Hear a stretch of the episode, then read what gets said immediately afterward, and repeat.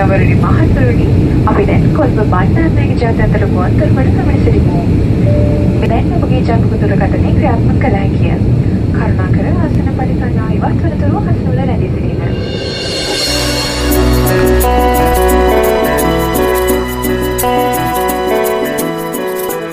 ඔස්ට්‍රේලියාවේ Melbourne නුවරින් අහසට නැක්ක ශ්‍රී Lankan ගුවන්්‍යානය Katunayake ගුවන් තොටුපොලට ගොඩ බැස්සේ හරියටම පාන්දර තුනෑ විසි හතට. එයාපෝට් එකේ වැඩටික ඉවර කරගත්ත අයිෂා ටැක්සේ එකක් කෝඩ කරා.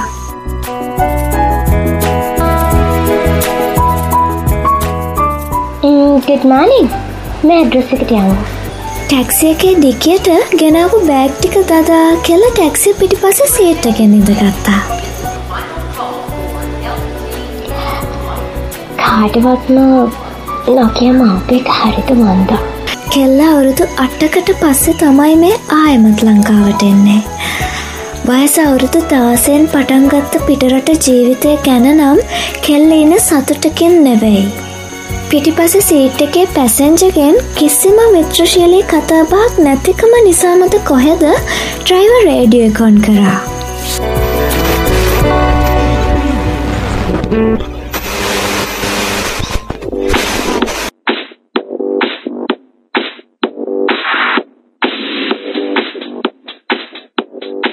ගුඩ් මෝනිින් හැමෝටම කොහමද ඉතින් දවස් දෙක නිවාඩුවට පස්සේ තමයි නේද අපි මුණ ගැහුණේ දවස් දෙකක් වුණාට දැනෙන්නේ හරියට අවුරුදු ගාණක් වගේ නේද? අවුරුදු ගාණක් කියනකොට මතක් වුණේ. මටත් ඉන්න එක යාළුවෙක් අවුරුදු 8කට කලින් මාව දාලා යන්න ගියා. ලොකු කාලයක්. හරි හරි. ඒක වැඩක් නෑ. ලස්සන සින්දුවක් අහන්න උදේ 7ට කලින් මට කතා කරන්න. එහෙනම් ඔන්න මම මගේ වැඩ ටික පටන් ගන්නවා. දන්නවනේ?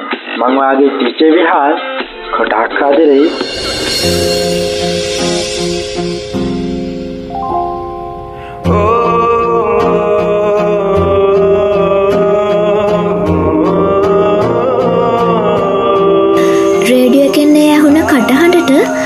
තරමක් නොසන්සුන් වුණා.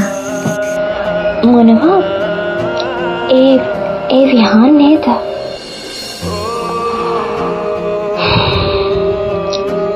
මෙයා නම් කවතාවත් හැදෙන්නේ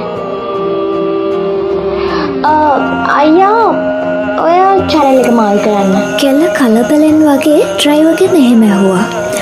කොහොම වුණත් තවත් වෙනාට දහයකට විතර පස්සේ කෙල්ල ගෙදරටාවා. ආනේ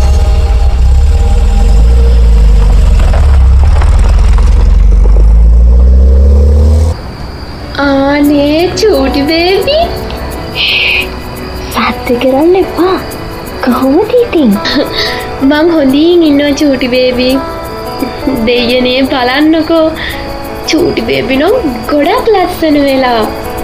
ඇස්වාක් නම් වදින්න පාවුණු අම්මල නිදිද දේවකි? ඕ චූටි බේබි මං ඉතින් පාන්දරින්ම නැගිටිනවනේ නැත්තන් දන්නවනේ බැනුම් තමා. මේ ඒක නෙවේ චූටි බේබි අද එනවා කියලා අපේ නෝන මහත්තර දන්නවද? අනේ නෑදේවිකි එයාල දන්න දැම මොනවත් කියන්න එපා. මමම්ම එයාලට කතා කරන්න.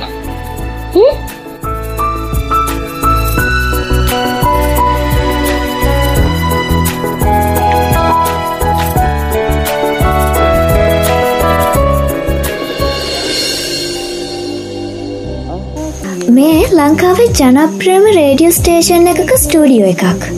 මෙතන ඉන්නවා ජැකට් එකක් ඇඳගත්ත කොල්ලෙක්. මේ වෙලාව යන එකේ කොල්ලගේ. දන්නවනඉතින් ඉස් පාසුවක් නෑ කෝල් සාන්ස කරලම. හලෝ ගුඩ් මෝනිින් කවුද මේ? හරි. කවද සිින්දුවට එකතු කරගන්න? හරි. තැංක සෝමච් කතා කරාට. ගුඩ් මෝනිින් කොල්ල බරතම වැඩ වගේ. මොනින් මොනි ඒ කිව්වනේ අද එන්නේ නෑ කියලා. නිවාඩුවක් ගන්න තමා හිටියේ.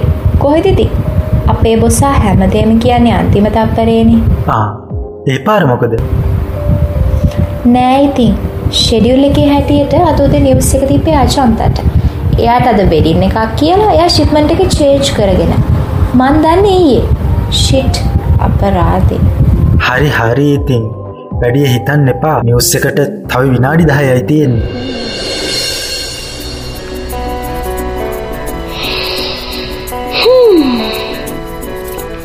උසට තියෙන එපාර්ට්මන්ට් වලට වඩා මේ පරිසරය කොච්චර සුන්දරද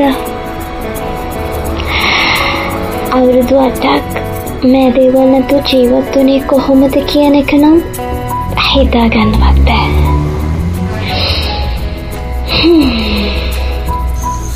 තාරපාරතික ඇවිදගෙන කියපු අයිෂ පොඩි ගුරු පාරකට හැරුණා. ගුරු පාර කෙලවරේම තිබ්බ ගෙදර කෙල්ල ඇවිතගෙන කිය ඉපේටම වගේ. වත්තට ඇතුල්ලන කඩුල්ල ගාව තියෙන ලොකු කොස්ගහකාවෙන් කෙල නතර වුණා.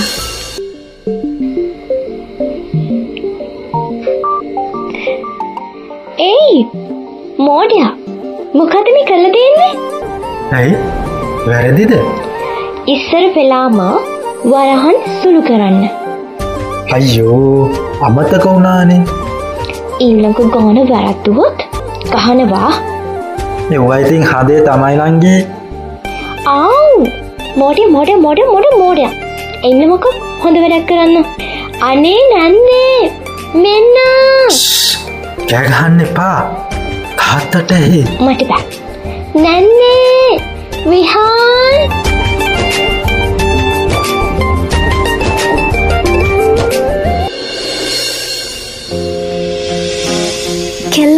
අපහු පිය විසිහියටාවා.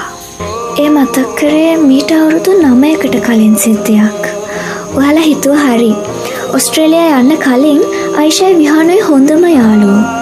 දෙන්නම කිය එකම ඉස්කෝලෙට. පුංචි කාලේ ඉඳලම දෙන්න හැදුන වැඩුන එකට. හැබැයි කාලෙත් එක්ක දෙන්නකම අපූරු යාළුකම වචනකට විතරක් සීමා වෙච්ච දෙයක් වුණා. එහෙම වෙන්න හේතුවන සමහර හේතු මේ දෙන්නම හොයනවා. හැබැයි ඒ වෙන වෙනම.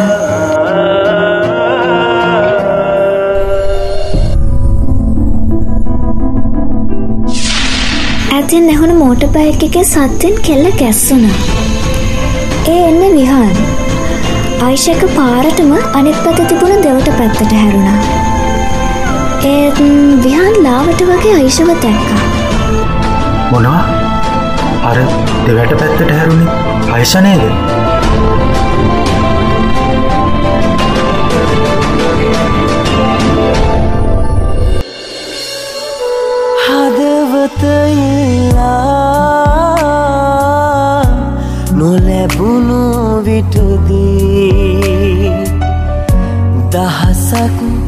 සිතුවිලි මහා හද තුළ කැලඹී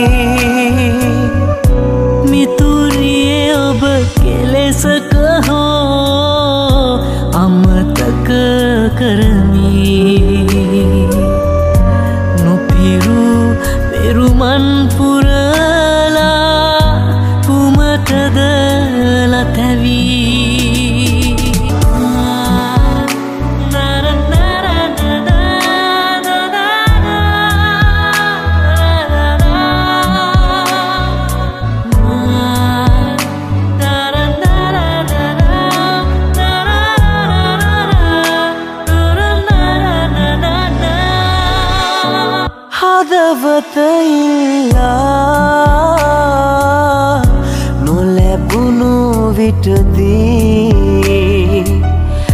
දහසක් සිතුවිලි මහා හද තුළ කැලඹී මිතුරියේ ඔබ කෙලෙසක හෝ අමතක කරමී. පෙරුමන් පුරලා කුමටද ලතැවී